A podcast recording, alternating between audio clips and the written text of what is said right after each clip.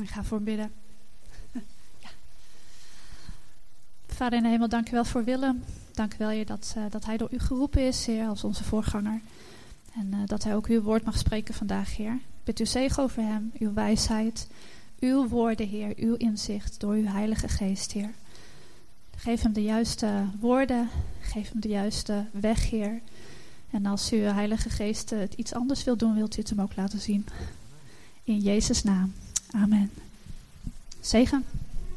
Ja, dankjewel.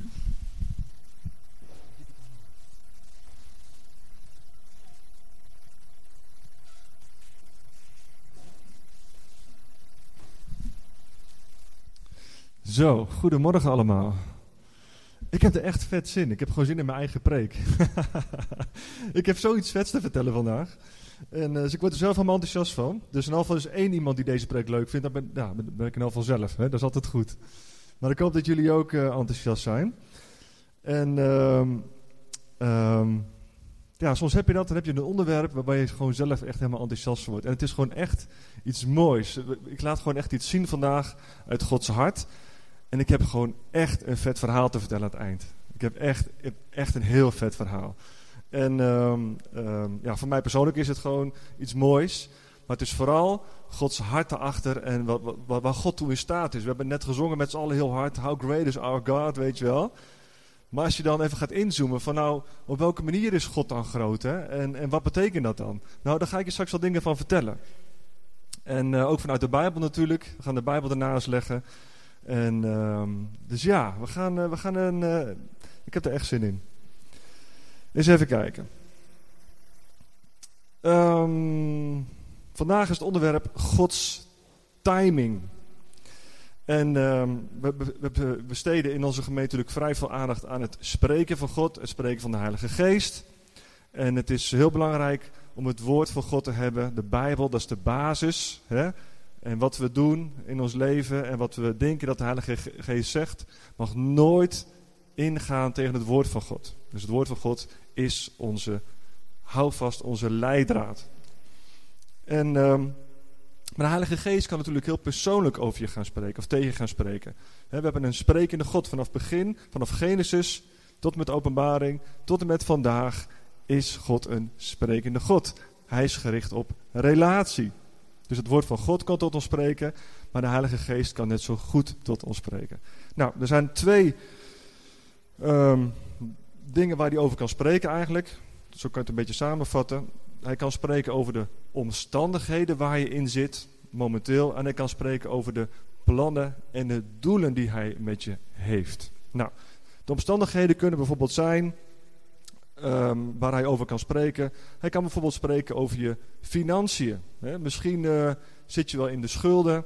Heb je misschien uh, ja, 4.000 of 5.000 euro sta je in de min.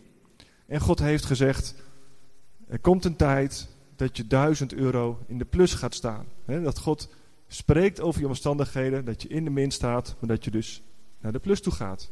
Even een voorbeeldje. Het kan ook zijn over je, over je situatie, dat je ziek bent. En misschien ben je wel ziek. En God heeft gezegd, er komt een tijd dat je weer gezond bent. Dat je alles weer kan doen wat je daarvoor ook kon. Dat kan dat God echt iets persoonlijks tegen jou spreekt over jouw ziekte.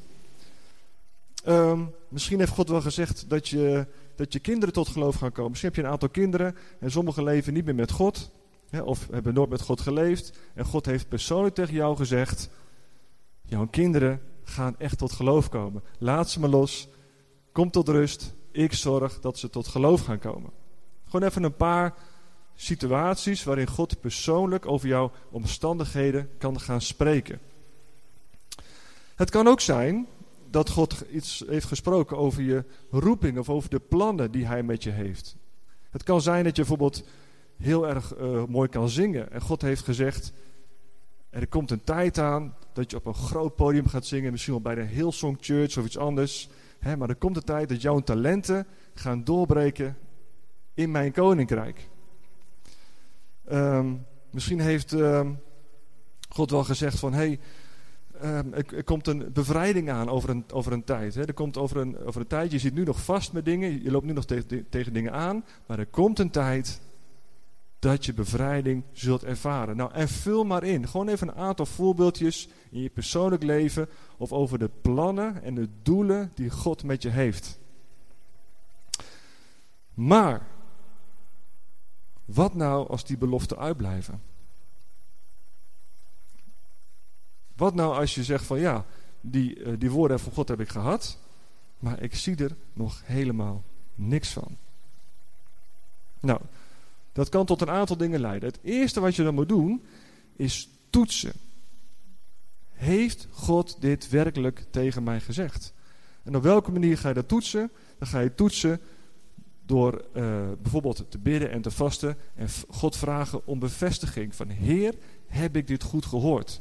Je kan ook naar mensen toe gaan uh, die je kent, die je vertrouwt, waarvan je weet dat ze Gods stem verstaan. En dan ga je vragen, ik denk dat God dit of dat tegen mij heeft gezegd. Wil je met me meebidden? Wil je met me meedenken? En wil je met me meegaan in het proces om te kijken of God dit daadwerkelijk heeft gezegd? Nou, en als het antwoord nee is, je zat ernaast, dat kan, dat is soms uh, een pijnlijke constatering, maar dat kan. Uh, soms dan, dan ontvangen we dingen, of we denken dingen te ontvangen, die gewoon niet van God zijn. Het is onze eigen gedachte, ons eigen gevoel, onze eigen wens, denken. En uh, dat kan soms een rol spelen. Daar is niemand vrij van, denk ik. Hè? Eh, ik, ik, heb ook genoeg, ik heb, ik heb voorbeelden dat God gesproken heeft tegen mij. Maar ik kan er bijna net zoveel voorbeelden tegenover zetten. Dat ik het mis had, weet je Dat is gewoon een proces. Dus het kan soms gewoon zijn dat je er gewoon naast zit dat God niet gesproken heeft. Nou, dan kan je dat afsluiten. En dan ga je weer verder met je leven. Maar het kan ook zijn dat God wel gesproken heeft. Je bent ervan overtuigd. Je weet dat je weet dat je weet dat je weet. Dit heeft God echt gezegd. Over mijn omstandigheden. Ik weet zeker dat het zo is. En andere mensen kunnen dat soms ook bevestigen. Die kunnen zeggen van ja, ik heb ook ontvangen dat dit echt een woord voor jou is. Voor dit moment. De, de omstandigheden waar je nu in zit zijn tijdelijk. Er gaat een nieuwe periode aankomen.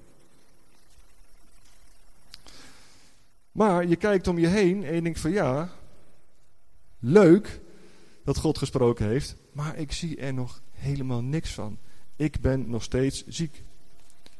Mijn kinderen gaan nog steeds niet naar de kerk. Ik zit nog steeds 5000 euro in de schuld.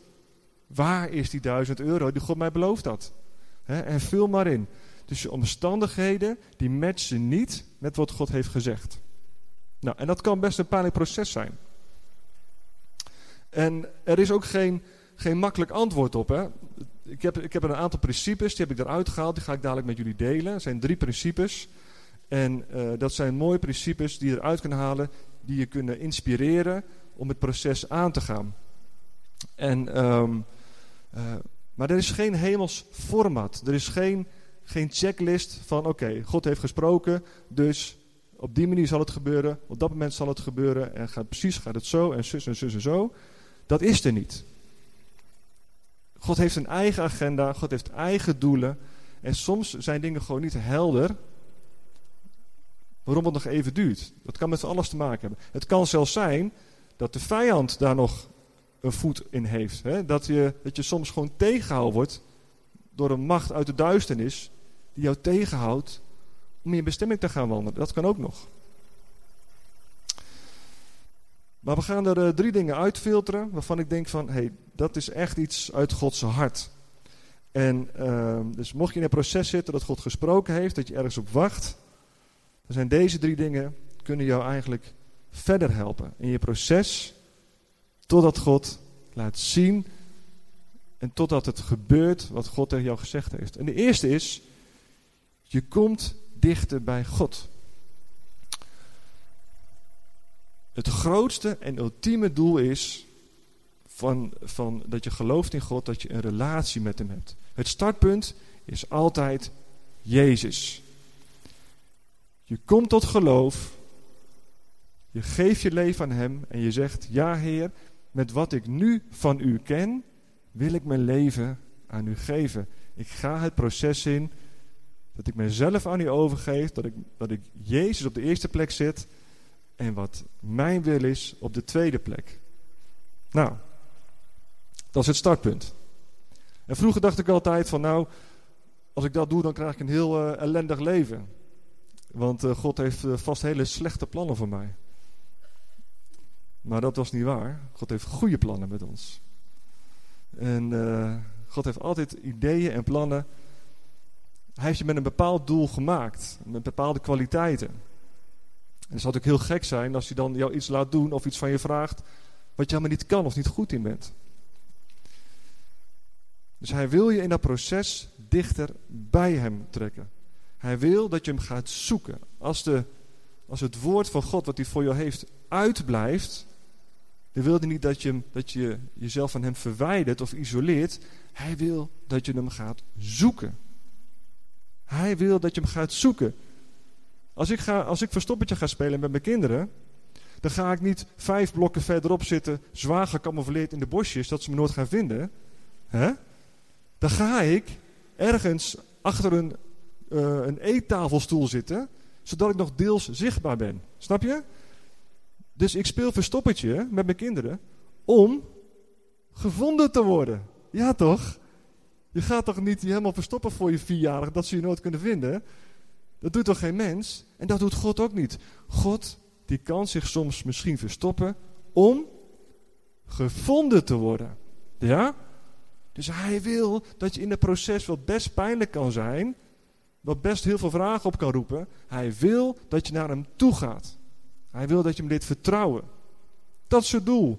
En daarom spreekt God soms ook in raadselen. Waarom zijn die dromen die je soms krijgt niet gewoon heel makkelijk en eenduidig? Dat komt omdat God wil dat je met Hem het pad ingaat van, Heer, wat betekent die droom? Hoe zit dat nou?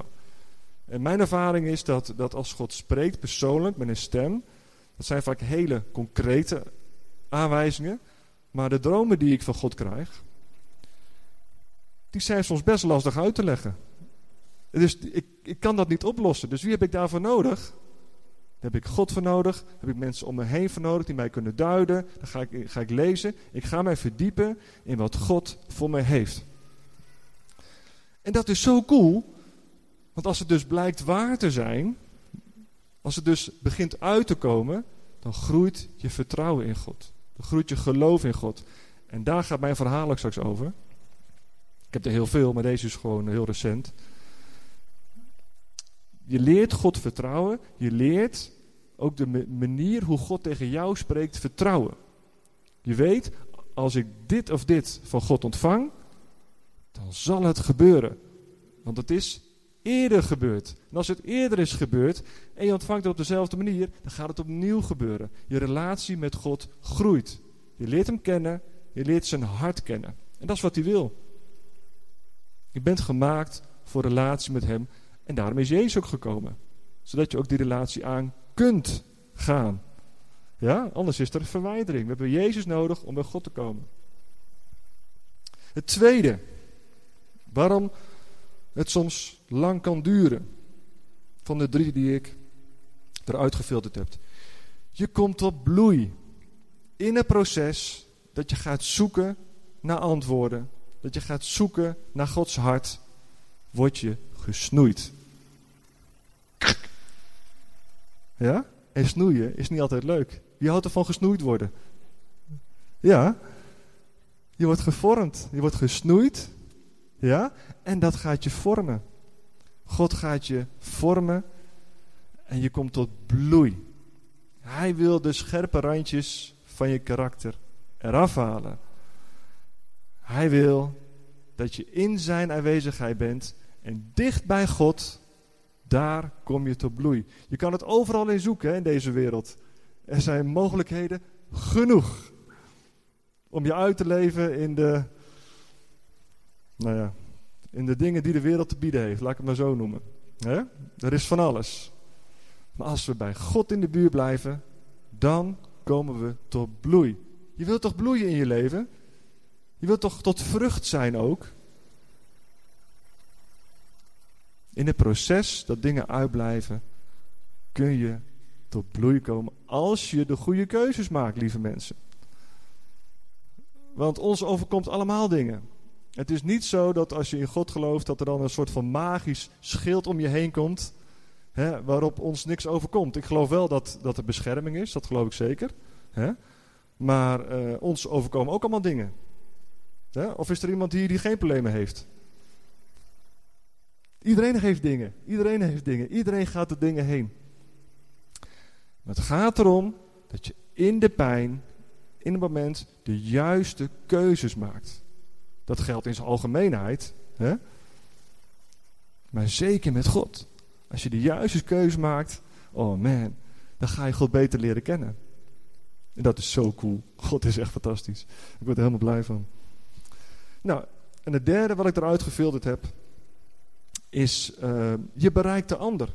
Dus als je dichter bij God komt, hè, je vertrouwen groeit, je komt op bloei, je wordt gevormd, dan kun je wat je geleerd hebt doorgeven aan een ander. Je persoonlijke eigen ervaringen, die zijn zo sterk. Er kan geen, nou ja, Bijbel, geen, bijna geen Bijbeltekst tegenop. Weet je wel? Niemand kan jou je persoonlijke getuigenis afnemen. En je kan, misschien kunnen mensen discussiëren over, over of ja, de Bijbel wel of niet waar is, weet je, hoe het allemaal ontstaan is. En ze kunnen over God discussiëren. Jij met God hebt meegemaakt. Dat valt gewoon niet te ontkrachten. En dus is jouw getuigenis ook van waarde, van belang voor die ander. Even een, uh, even tussendoor. Wist je trouwens dat bijna alle gaven van de Heilige Geest bedoeld zijn voor de ander? Ja? Het is niet dat de gaven van de Heilige Geest nou bedoeld zijn om jezelf helemaal in het geestelijke te wentelen en helemaal halleluja te zijn. Nee, de gaven van de Geest zijn bedoeld voor de ander. De vruchten van de Geest, die zijn voor jezelf. Ja? Dat is een ander verhaal. Maar de gaven van de geest zijn voor een ander. Dus dat betekent dat je sowieso in contact moet zijn met een ander. Anders functioneert het niet. Dus God wil altijd dat je zelf iets leert, maar hij wil ook dat je het uitdeelt aan een ander. Er is voor alles een tijd. Even kijken. Um, we gaan even naar, uh, naar Jozef. Genesis 37. Nou, een van de ultieme voorbeelden natuurlijk van iemand die uh, iets voorzegd kreeg van God. Een hele lange weg had te gaan en uiteindelijk kreeg wat God hem had beloofd. Maar we eens kijken hoe het begon. Genesis 37 vers uh, eh, 5 denk ik. Op een keer had Jozef een droom. Hij vertelde die droom aan zijn broers. Dat is trouwens niet altijd handig, hè? Als je iets van God ontvangt, dan is het soms beter om het achteraf te vertellen. En dat is ook de reden dat ik vandaag dingen vertel, over wat ik ga vertellen straks. Want als je in een proces zit, dan krijg je allemaal mensen. En de een die moedigt je aan, en drie anderen, hè, die zeggen van nou... Dus het is soms goed om dingen voor jezelf te houden. Had Jozef dat ook maar gedaan, misschien. Jozef had nog niet echt gevoelig daarvoor. Op een keer had Jozef een droom. Hij vertelde die droom aan zijn broers. Toen haatten ze hem nog meer. Want hij vertelde, luister eens naar wat ik heb gedroomd. We waren in het veld bezig om het graan tot bossen te binden. En toen ging mijn bos graan overeind staan en bleef overeind staan. En die van jullie gingen er omheen staan en bogen voor mijn bos. Toen zeiden die broers tegen hem: Wil jij soms koning over ons zijn? Wil je soms over ons heersen? En ze haatten hem nog meer vanwege de droom en om wat hij had gezegd. Hij kreeg later weer een droom, die hij ook aan zijn broers had gezegd, vertelde. Hij zei: Ik heb nog een droom gehad. De zon de maan en elf sterren bogen voor mij. Toen hij dit aan zijn vader en zijn broers vertelde, zei zijn vader streng tegen hem: Wat is dat nou voor droom? Denk je soms dat ik, je moeder en je broers voor je zullen buigen? Ja, dat ging gebeuren. Zijn broers waren jaloers op hem. Maar zijn vader dacht er nog verder over na. Zijn broers waren jaloers en ze haten hem. Nou, het resultaat is dat Jozef uiteindelijk natuurlijk verkocht is naar Egypte. Ehm, hij is gevangen gezet, meerdere keren hij is slaaf geweest, een heel lang verhaal.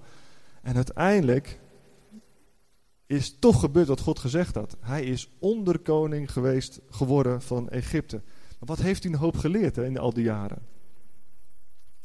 En wat zal hij getwijfeld hebben aan die, over die dromen? Ik denk dat hij nog regelmatig heeft teruggedacht toen hij in de gevangenis zat van nou ja, goh, uh, ik heb twee dromen gehad, heb ik heel stoer aan mijn broers verteld. En nou zit ik hier, al jarenlang in de gevangenis. En ook nog eens een keertje onterecht.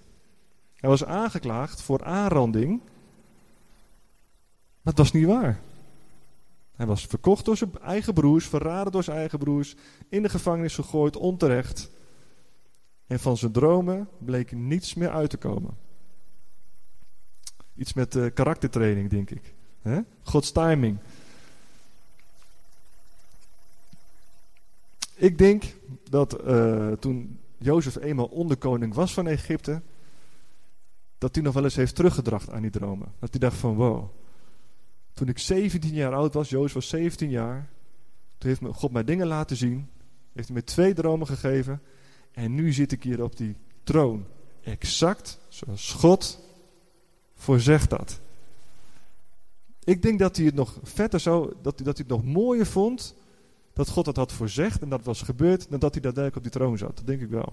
Dat hij dacht van, oh man, God had een plan voor mijn leven en het is allemaal exact zo uitgekomen. Gods timing. Het is precies gegaan zoals God het had bedacht. Maar soms kunnen mensen je ook een beetje van het padje halen. En we gaan even naar uh, Johannes 7. En uh, ja, van je broers moet je me hebben, denk ik dan maar. Want uh, Jezus' broers, die konden er ook wat van, hè? Het waren trouwens zijn halfbroers. Ja? Het waren zijn halfbroers. Ze hadden wel dezelfde moeder. En deels dezelfde vader. ja? Nou, sarcasme even aan. Uh, voor Johannes 7 dan doet Jezus best wel wat bijzondere dingen. Jezus doet bijvoorbeeld uh, de vijf broden en uh, twee vissen. Doet hij vermenigvuldigen. Dan geeft hij met die vijf broden en twee vissen geeft hij aan duizenden mensen te eten. Dan is er nog een, een storm op het meer.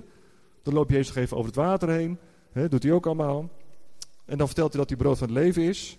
En dan vervolgens gaan we naar Johannes 7. Zijn broers konden daar niks mee. Jezus' broers zeiden spotten tegen hem: Ga toch naar Judea. Want ook je leerlingen daar moeten de geweldige dingen zien die jij doet. Want iemand die bekend wil worden, moet niet tegelijk proberen om, om niet op te vallen. Als jij dan zo graag bijzondere dingen wil doen, zorg ervoor dat alle mensen het horen en zien. Nou, dankjewel lieve broers. Ja? En waar, waar gaat dit stukje over? Dat gaat over dat ze naar het feest in Jeruzalem gingen. Het gaat over Gods timing. Jezus zei daar: Nee, ik ga niet met jullie mee. Ja? Hij liet zich niet uit de tent lokken. Hij ging niet mee op het moment dat zijn broers het zeiden. Wanneer ging hij wel? Toen hij het seintje kreeg van de Heilige Geest. En nou moet je naar Jeruzalem gaan. God had zijn eigen timing met dat Jezus naar het feest ging. Ja, wij mensen zouden misschien, als we zo benaderd worden, zeggen van nou, uh, ik zal eens even laten zien wat ik allemaal kan. Hè? Maar Jezus niet. Jezus zei, nee, ik blijf hier. Ga jullie maar vast. Ik wacht op Gods timing. En zo is het ook gegaan. Zijn broers gingen naar de tempel toe en Jezus ging later. Op zijn tijd, op de tijd van God.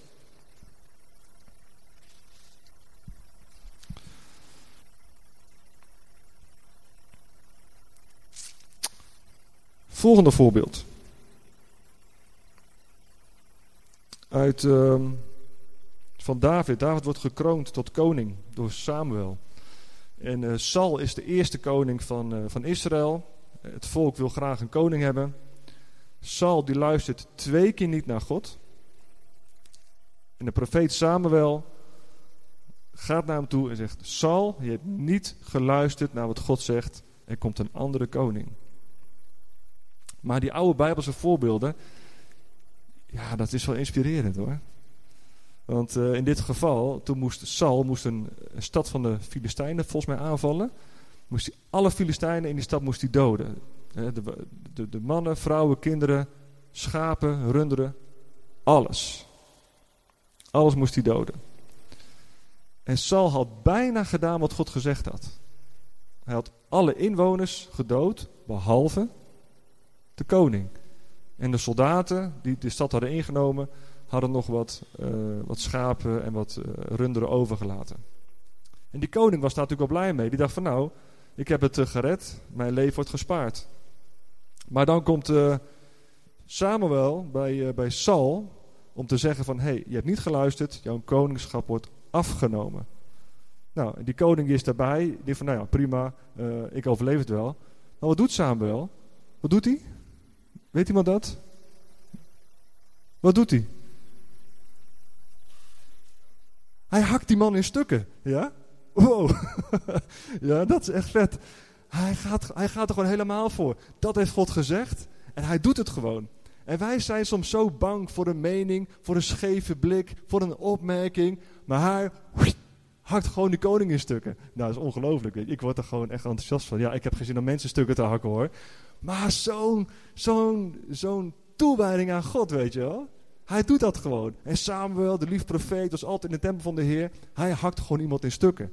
Ja? Net zoals Elia, bekende profeet. Die heeft de 400 afgeslacht. Ja?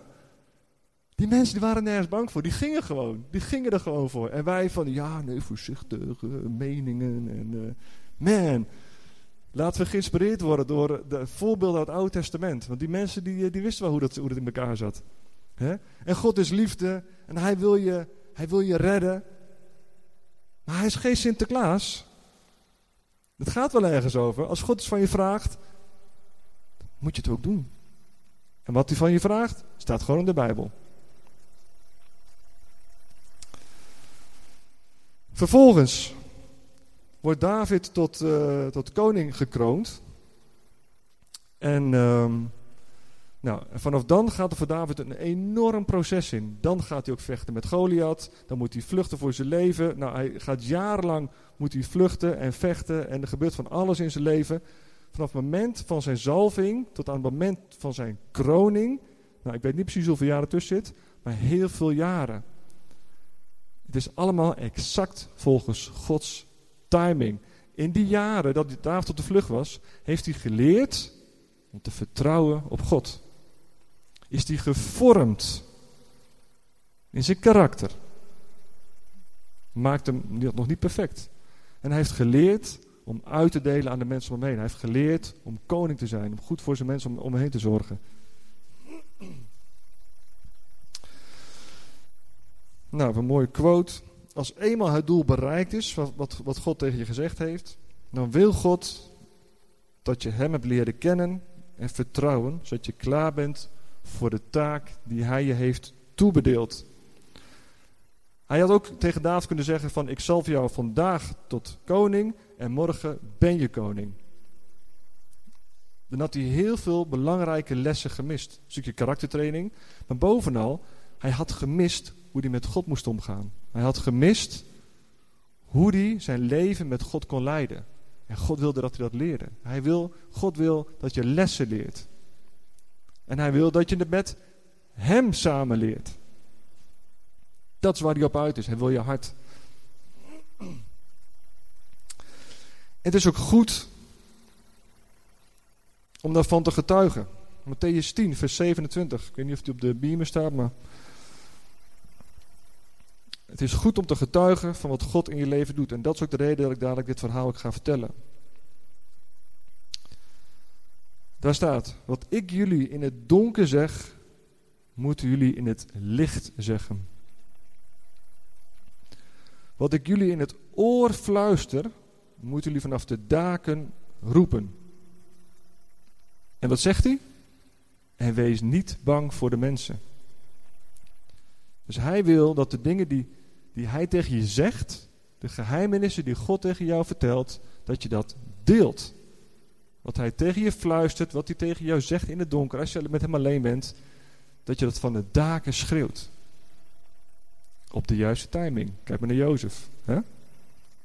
En hij zegt er gelijk achteraan, God kent ons hè, hij, hij kent ons precies, hij weet precies hoe we in elkaar zitten. En hij zegt er gelijk achteraan, en wees niet bang voor de mensen. Deel je verhaal, bemoedig mensen en wees niet bang voor ze. Nou.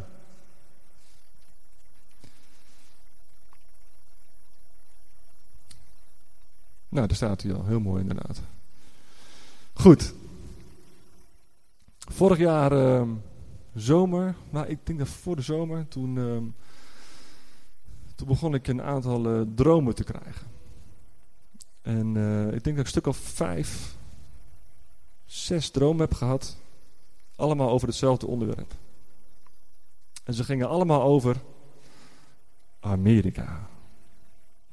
Er gebeurden allemaal dingen in Amerika. Dat ik, dat ik naar Amerika toe ging of dat ik, dat, ik, dat ik in Amerika was. Maar al die dromen hadden de context van Amerika.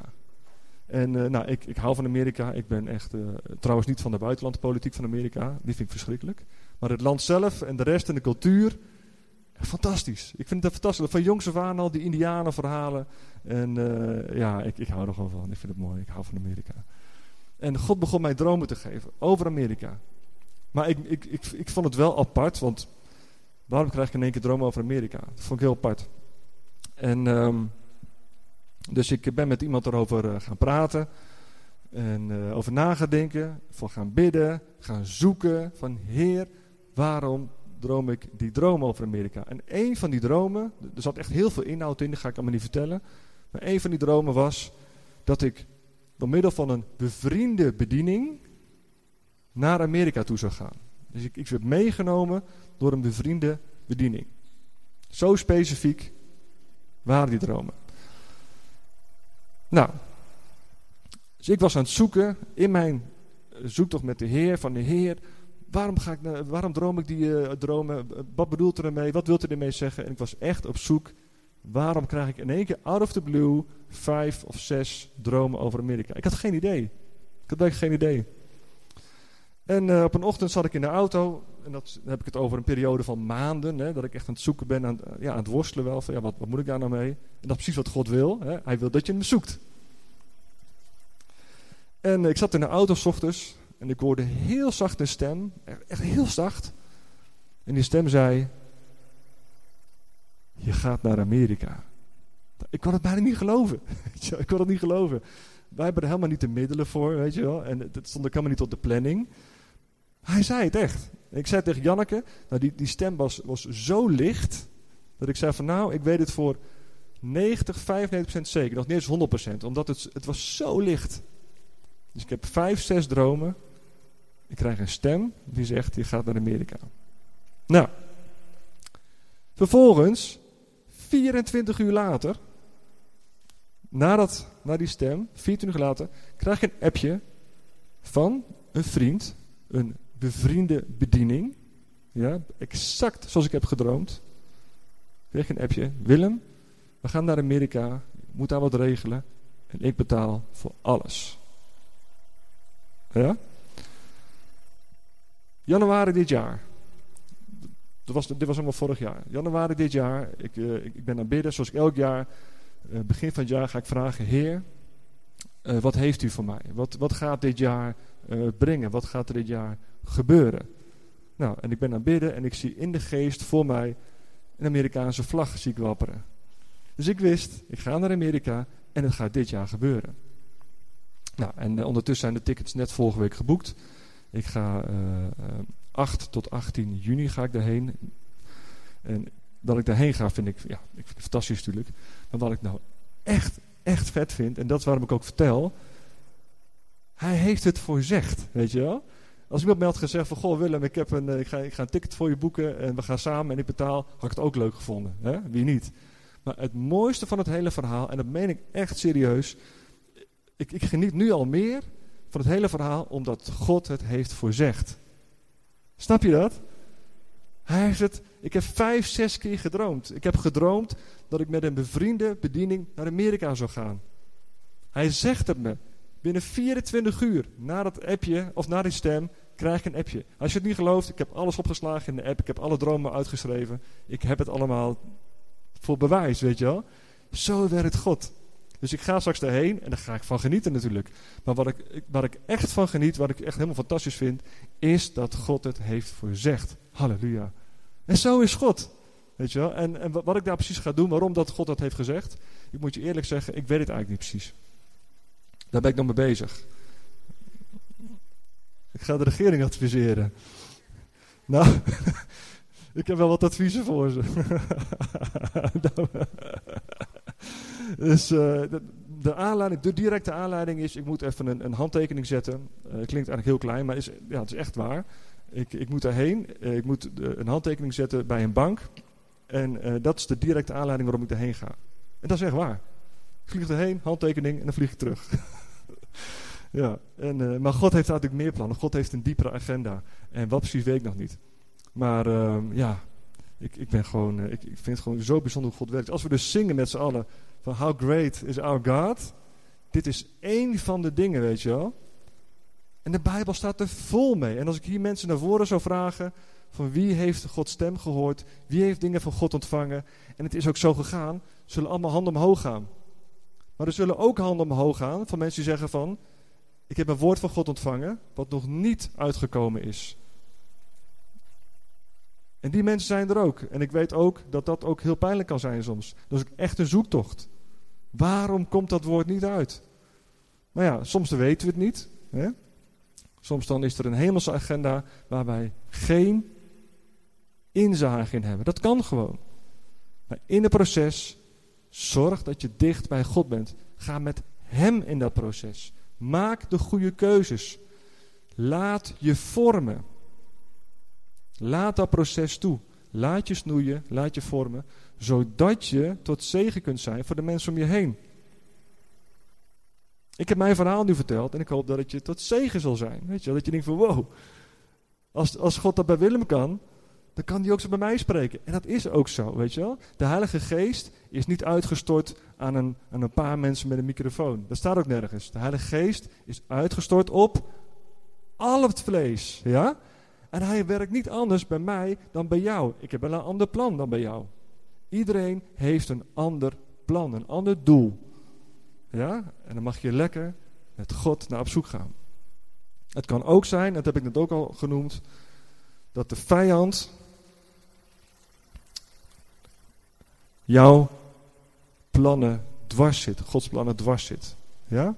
Een stukje identiteit, een stukje vorming, een stukje je doel halen, daar kan de vijand echt op zitten. En nou, sterker nog, mijn ervaring is, onze ervaring is, dat als wij bidden voor mensen, dan zit de vijand 9 van de 10 keer exact op die plek waar je voor geroepen bent. Mensen die prachtig kunnen zingen, hebben soms een blokkade. Zodra ze het podium opgaan, kunnen ze niet meer zingen. Het lijkt wel alsof hun keel wordt dichtgeknepen. Ja? Nou, en, en zo zijn er oneindig veel voorbeelden van mensen die ergens heel goed in zijn, maar net even een stukje missen. En dat kan soms ook aan de hand zijn. Dat je gewoon wordt tegenhouden.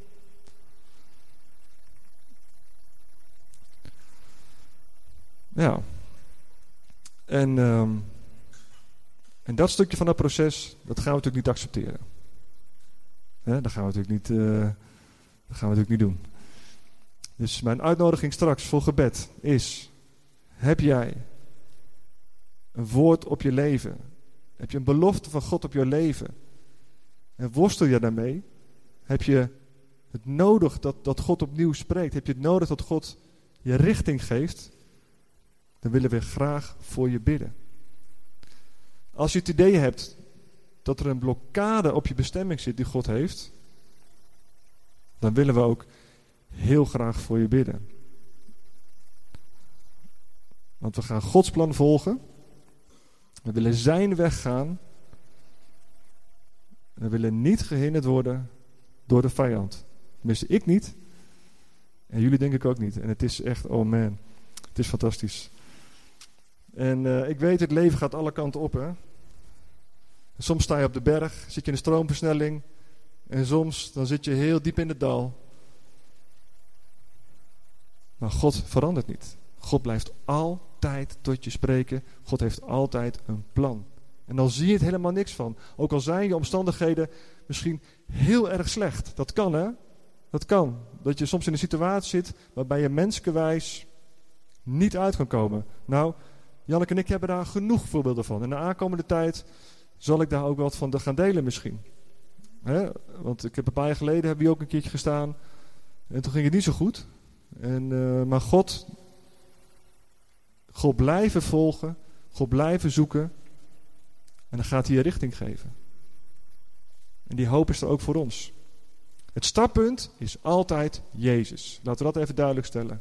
Het startpunt is en blijft Jezus. En dan begint het. Gaan we op en naar beneden, snoeien en groeien en bloeien. Nou, fantastisch. Ja? Laten we samen nog wat gaan zingen en kom straks gerust naar voren als je een, um, een woord of een bemoediging of een gebed nodig hebt.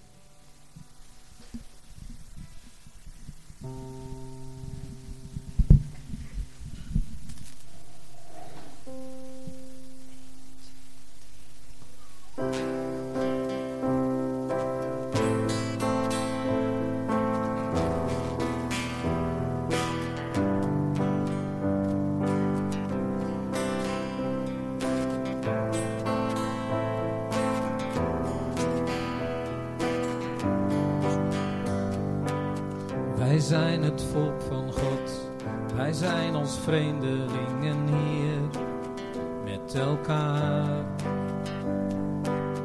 Een leven lang te gast, er ligt een hemels vaderland voor ons klaar.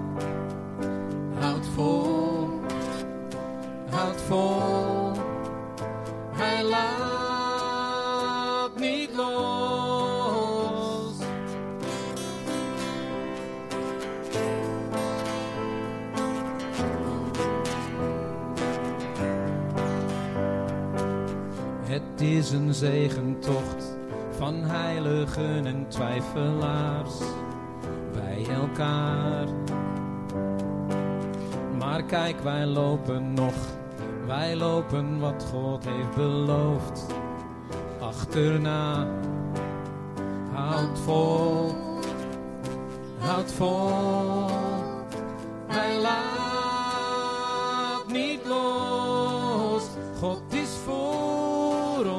God is naast ons, God is altijd om ons heen.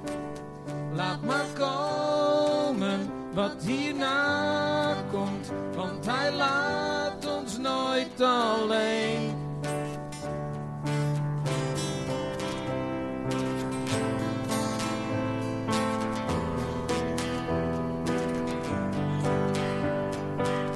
En nu wij zijn omringd door zoveel helden die ons voor zijn gegaan.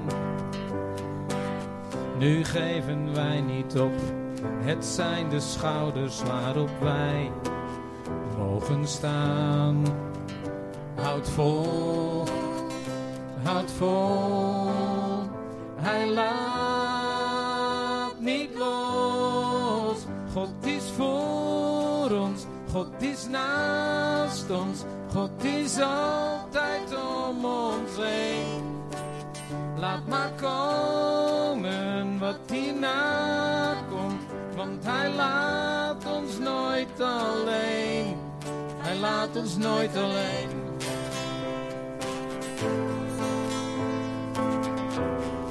Houd vol.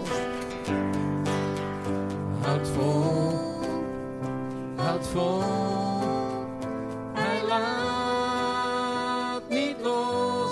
vol, houd vol, houd vol. Hij laat niet los. God is voor ons, God is naast ons, God is altijd om ons heen. Laat maar komen wat hierna komt, want Hij laat ons nooit alleen. Hij laat ons nooit alleen.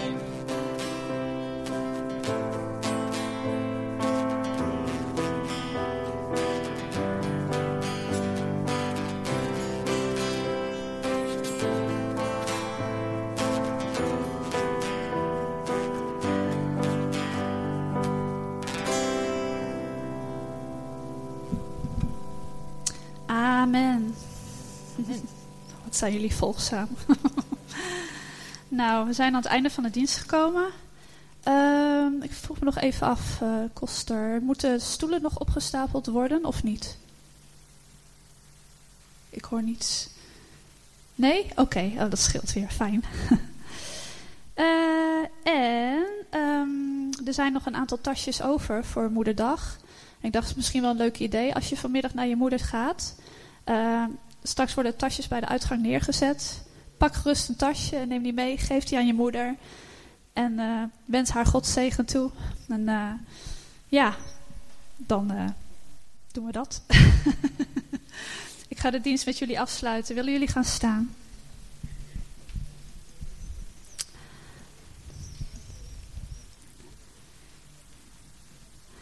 Dank u wel, Heer, voor deze ochtend. Dank u wel dat u u mocht aanbidden. Dat we naar uw woord mochten luisteren, Heer. Ik bid dat het diep in ons hart zal landen, Heer. Dat u ons leert, om te volharden in geloof, Heer. Ook als we dingen nog niet zien, Heer, die u al heeft voorzegd, Heer. Wilt u ons helpen, Heer? Wilt u ons vormen, Heer? En bovenal, Heer, dat we dicht naar u toe groeien, Heer. Leidt u ons, Heer, ook deze komende week. Dank u dat u met ons meegaat, Heer. Dat u altijd bij ons bent, Heer. Dat u betrokken bent bij ons, Heer. En laat ons altijd op u zijn gericht, elke dag weer. Dat we u zien, Jezus. En we verlangen naar die dag dat we u zien van aangezicht tot aangezicht. Dank u wel, Heer. In Jezus' naam. Amen. Een hele goede week toegewenst. En ga met God. En dank jullie wel voor jullie komst. Amen.